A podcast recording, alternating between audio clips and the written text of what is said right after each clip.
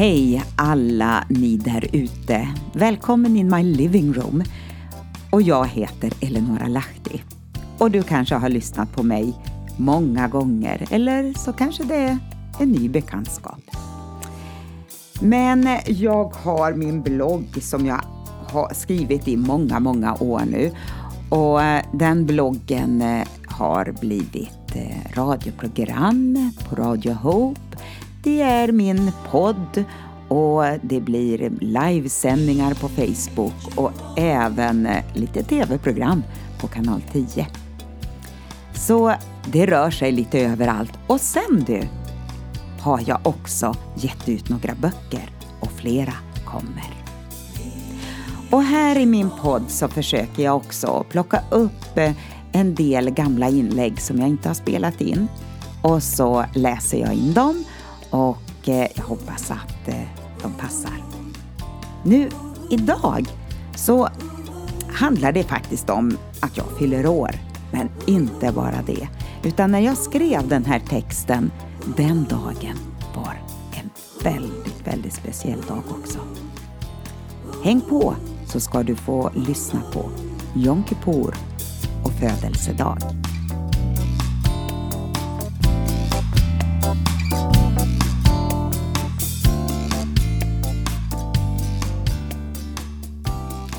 Good morning! Lördag morgon, sabbat, födelsedag, Jom Kippur och kanske, kanske att jag blir farmor idag.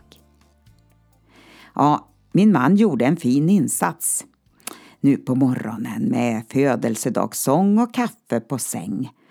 Och förr om åren var det fullt tryck. Alla fyra barn, hund, tårta, sång och presenter. Men nu nu är det andra tider.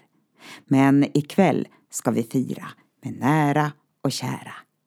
Och life is beautiful.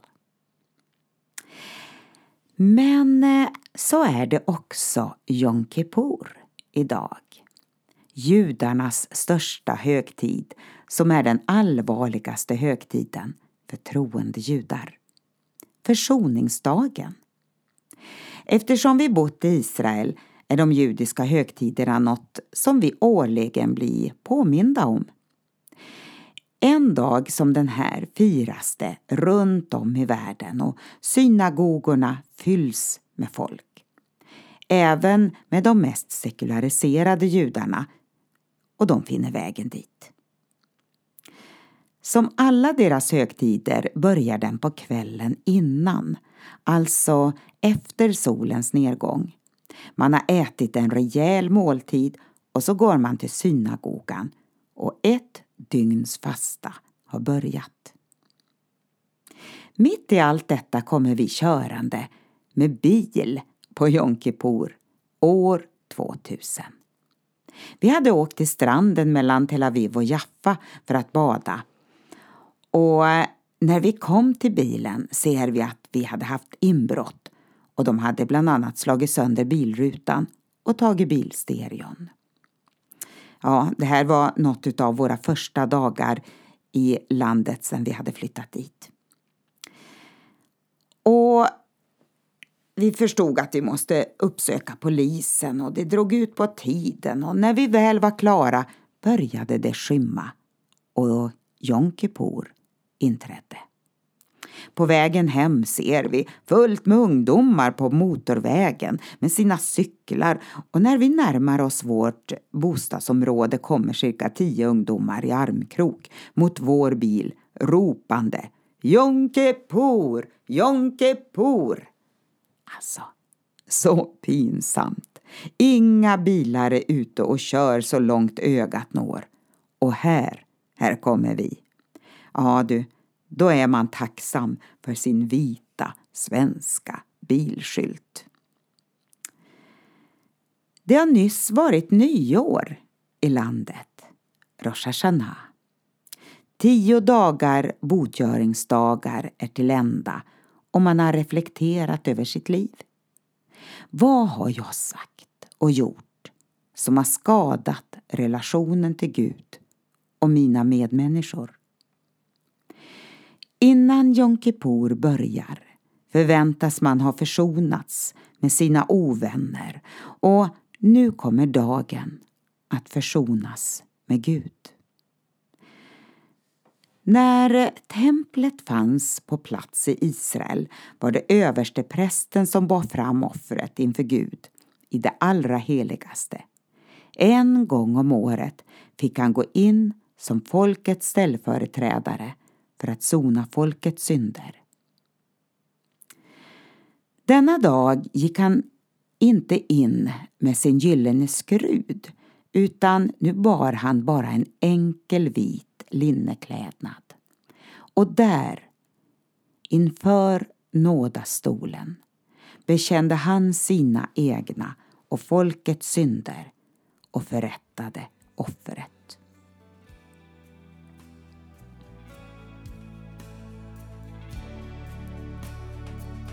Men i det allra heligaste, det innersta rummet i tältet, fick bara översteprästen gå in. Och det gjorde han en gång om året och då alltid med blod som han offrade till Gud. För att både han och folket skulle få förlåtelse för de synder de hade begått i sin tanklöshet. Hebreerbrevet kapitel 9 och vers 7.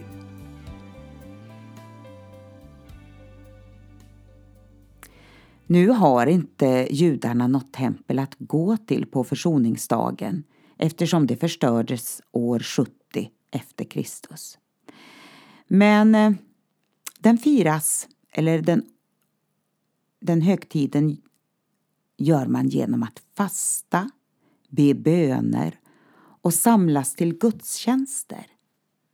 I stort sett är man i synagogan hela dagen. En dag befriad från allt vad materiella ting heter. Ingen mat och dryck, ingen parfym, inget sex, inga läderskor och man tvättar sig inte. Visst kan du och jag le åt detta, men när man ser sambandet med förbundet som Jesus uträttade blir man full av vördnad. Dagens bekännelser och böner avslutas med att arkens dörrar i synagogan står öppna. Detta får då symbolisera hur himlens portar står öppna för oss och man avslutar då dagen med att blåsa i shofar. Och sen stänger man dörrarna. Allt detta fick Hebreerbrevets författare uppenbarelse över. Jesus bar fram ett enda offer för synden och det ger oss förlåtelse för all framtid.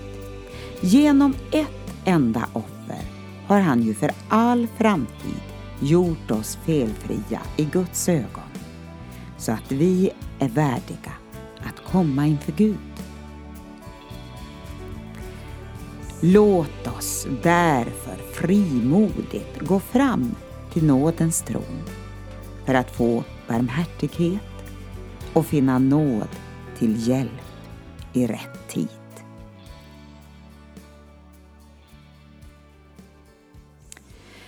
Översteprästen hade många timmars förberedelse innan han kunde gå in i det allra heligaste för att möta Gud. Medans du och jag har en öppen väg som Jesus har gjort för oss. Det betyder inte att vi kan ta lätt på att vara i Guds närvaro. För Gud är helig och vi lever i respekt och överlåtelse till honom. Vi ser Guds noggrannhet för att eh, närma sig honom i det gamla testamentet. Och samma sak gäller i vår tid, men på ett lite annat sätt. Vår livsstil i relationer, pengar, fritidsintressen, nöjen och förhållningssätt i ett och annat kan bli avgörande för hur vi i frimodighet kan närma oss Gud. Om vi börjar göra som vi själva vill och anser vara rätt och det inte harmonerar med Guds ord, då börjar vår frimodighet inför Gud att avta. Faktiskt. Och då undrar man, men vad hände nu då? Kanske detta är en bra dag för flera av oss att söka Gud. Inte för att få en massa bönesvar utan just därför att Gud är helig. En dag att lite tydligare våga fråga oss själva var vi står i vår gudsrelation. Kanske har det börjat svalna i våra liv och det är ett och annat som vi dragit in i livet som inte riktigt behagar Gud. Något som grumlar vår relation en smula. Så närma er Gud så ska han närma sig er.